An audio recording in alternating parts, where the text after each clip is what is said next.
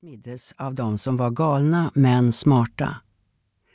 Allen hade på senaste tiden hittat på olika sätt att undvika att ta sina mediciner. De mer erfarna vårdarna genomskådade dessa knep och visste hur de skulle bära sig åt för att avstyra dem.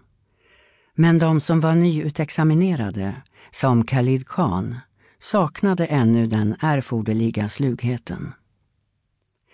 Den kväll då det var fullmåne hade Allen lyckats undvika att ta de två tidigare doserna av kemiska knockoutpiller som Kahn trodde att han hade gett honom.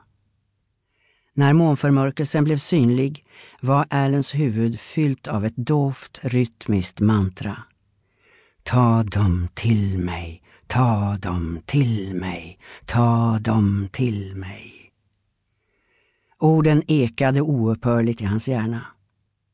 Från sitt rum kunde han se en liten bit av månen och profetians hav av blod som skymde dess yta.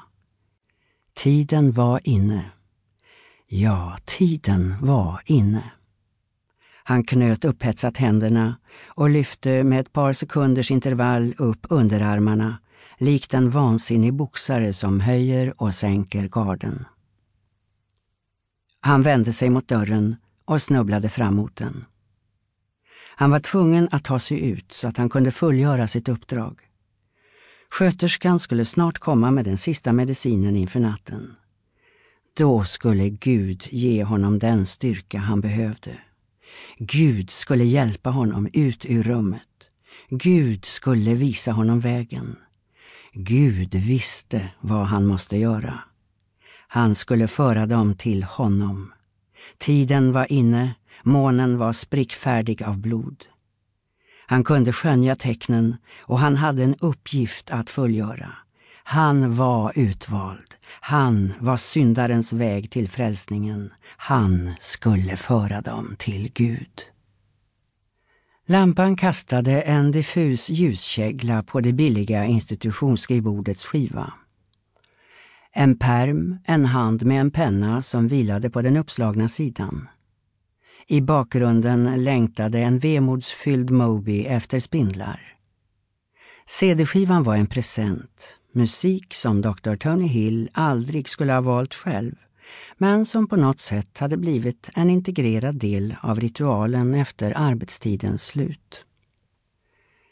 Tony lyfte handen för att gnugga sig i sina grusiga ögon och glömde alldeles de nya läsglasögonen. Aj! Kved han när nässadlarna nöp till i skinnet. Lillfingret fastnade i kanten av det oinfattade glaset så att glasögonen for av och landade snett i permen han hade suttit och läst i.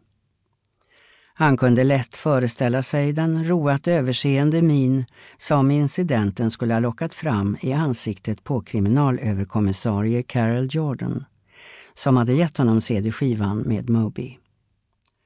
Hans något förvirrade valhänthet hade länge varit ett stående skämt mellan dem.